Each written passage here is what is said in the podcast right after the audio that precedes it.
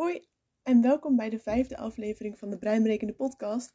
Ik ben Joyce, een aantal maanden afwezig geweest, maar ben druk bezig met mijn nieuwe master, namelijk neuropsychologie.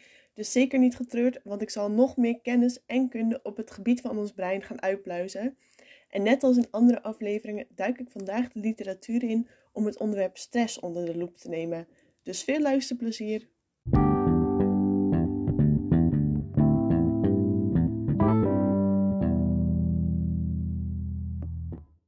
Stress.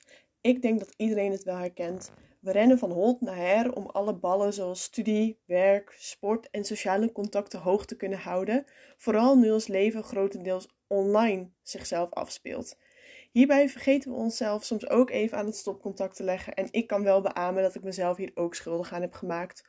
Topsport, bovenbouwen VWO, bijbaantjes en een leuke vriendinnengroep maakt dat er soms keuzes gemaakt moeten worden. Gelukkig heb ik tegenwoordig wel meer de balans weten te vinden hierin, want het motto stress is a way of life, daar ga ik echt niet mee akkoord. Maar hoe ontstaat stress eigenlijk? Wat zijn zowel de korte als lange termijn effecten van stress? En is het inderdaad echt zo schadelijk? Dit zijn vragen die ik voor jullie zal proberen te beantwoorden in deze aflevering. Daarna zal ik stilstaan bij mogelijke wetenschappelijke tips die als handvatten kunnen dienen om je eigen stresslevel weer onder controle te krijgen. Ik wil wel benadrukken, ik ben geen expert, maar ik wil deze podcast wel met een positieve insteek afsluiten. Laten we dan maar bij het begin beginnen. Wat is stress nu precies eigenlijk? Nou, stress is een niet-specifieke reactie dat ontstaat als ons lichaam even niet in evenwicht is. Duizenden jaren geleden was deze stressrespons noodzakelijk om ons als mens überhaupt in leven te houden. Stress is dus zeker niet altijd een negatieve reactie, want we hebben het dus zelfs nodig om in leven te blijven. Tegenwoordig wordt stress veelal gecreëerd in ons hoofd. We maken ons zorgen om een potentiële gebeurtenis zoals verlies van een baan, het niet halen van een tentamen, die vriendin die niet lekker in haar vel zit. En ons lichaam reageert nog op precies dezelfde manier zoals het ook al deed 4000 jaar geleden. Dit is natuurlijk een negatieve vorm van stress die we niet ons leven willen laten domineren. Deze vorm wordt daarom ook wel distress genoemd om het onderscheid te kunnen maken. Hoe wordt stress dan gevormd vanuit onze hersenen? Laten we inzoomen op ons brein en om precies te zijn onze hypothalamus. Dit hele kleine onderdeeltje is een enorm regelcentrum voor alle hormonen in ons lichaam.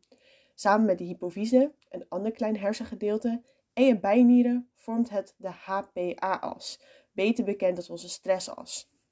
Wanneer ons lichaam wordt blootgesteld aan een bepaalde stressor, wat ons lichaam uit evenwicht brengt, bijvoorbeeld een lastig tentamen die eraan komt, zal dit een domino-D-effect triggeren. De hypothalamus zal daarbij het stofje CRH afgeven, wat onze hypofyse vertelt ACTH af te geven. En dit stofje, ACTH, is het signaalmolecuul voor de bijnier om cortisol te gaan produceren, het welbekende stresshormoon. Cortisolafgifte is niet altijd schadelijk, denk maar aan het moment van opstaan en uit je bed komen. Cortisol Ken dan een hoge piek om je lichaam te vertellen dat het tijd is om wakker te worden.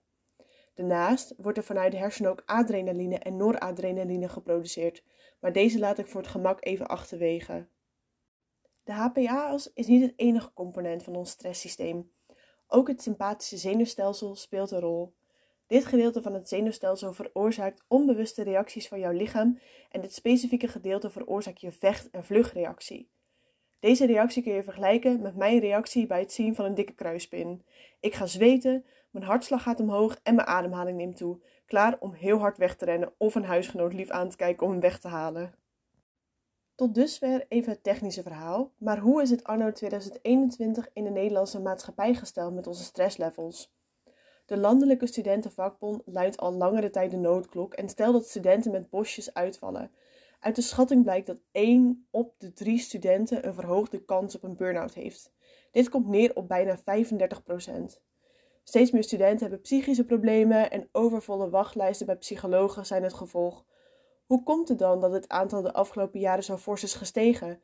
En waarom is het idee van onze babyboom-generatie nog steeds dat de millennials de generatie is die niet weet wat hard werken is?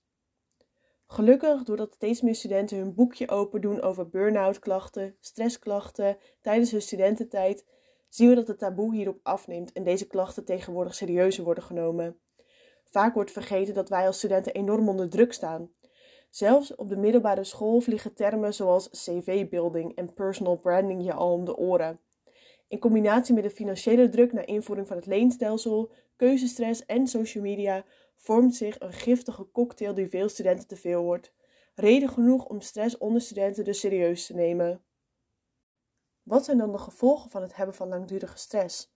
De volgende vier categorieën van veel voorkomende klachten als gevolg van te veel stress op de lange termijn zijn: mentale of emotionele stress, slaapstoornissen, metabolische dysregulatie of dysregulatie van de glucosehuishouding en chronische ontstekingen.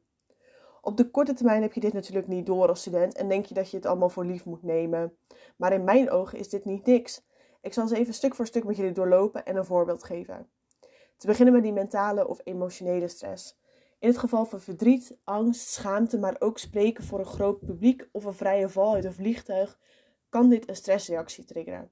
Heb je dus last van chronische stress, dan loopt deze reactie uit de hand en ben je vatbaarder als individu voor het ontwikkelen van onder andere een depressie.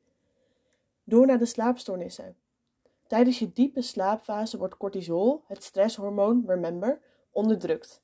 Echter, in het geval van chronische stress zal het slaappatroon verstoord raken, met minder diepe slaap als gevolg.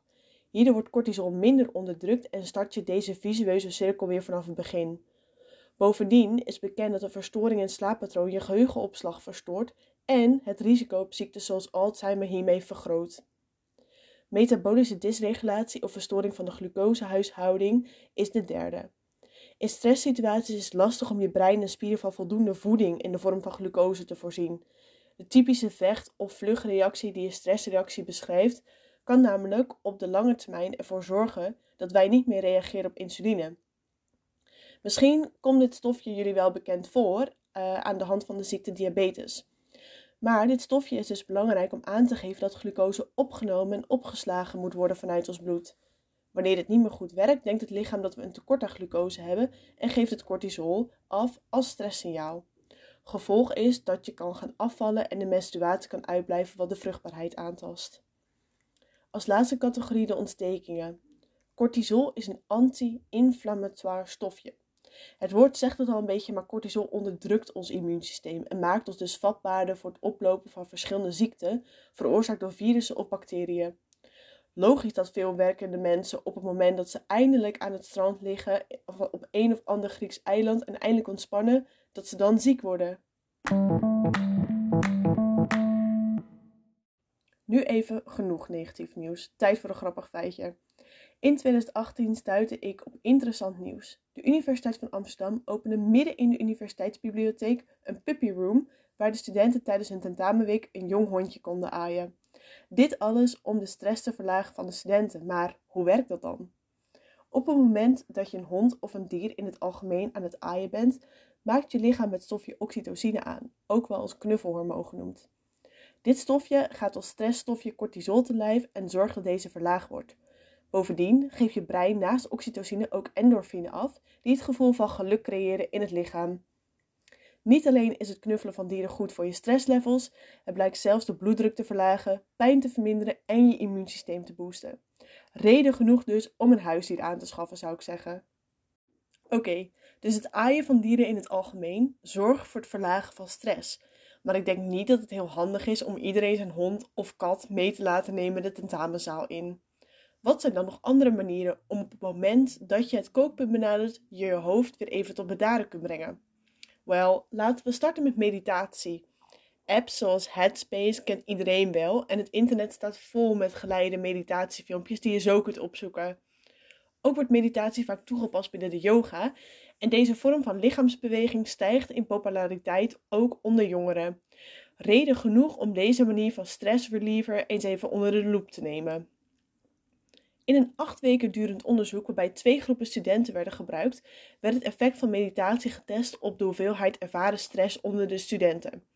Hierbij werd de mate aan stress als nulmeting vooraf bij beide groepen gemeten, waarna één groep de meditatietraining onderging en de andere groep niet.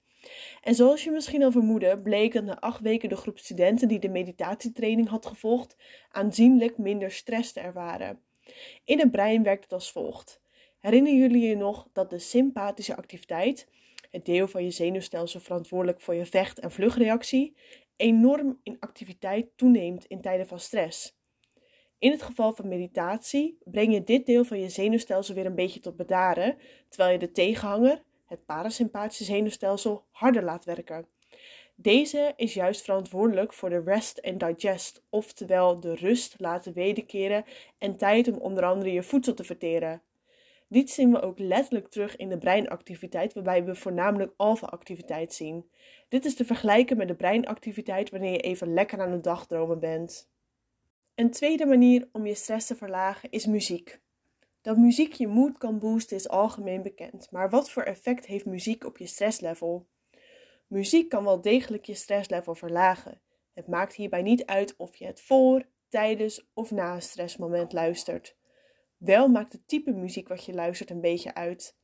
Uit onderzoek blijkt namelijk dat de groep die klassieke muziek luisterde versus de groep die relaxte muziek luisterde, die ze zelf mochten kiezen, een lagere hoeveelheid stress na afloop rapporteerde. Ook was dit terug te zien aan de hand van onder andere de hartslag. En in het brein zien we dit weer terug in de vorm van die stijging in alfa-activiteit. De laatste manier om je stress omlaag te brengen die ik wil bespreken is misschien een voor de hand liggende manier, namelijk een goede lachbui. Tijdens een goede lachsessie maakt je lichaam eigenlijk natuurlijke paracetamolletjes aan, genaamd endorfine.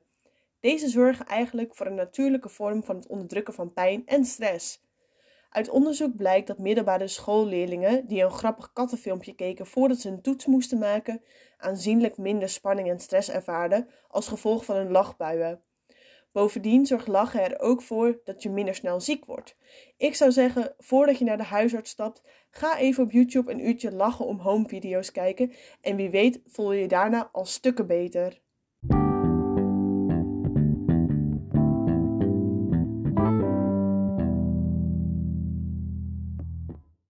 Dat was hem alweer. Bedankt voor het luisteren naar deze vijfde aflevering van de Breinbrekende podcast. Ik hoop dat jullie het interessant vonden en hopelijk kan ik jullie snel weer voorzien van interessante weetjes over ons brein.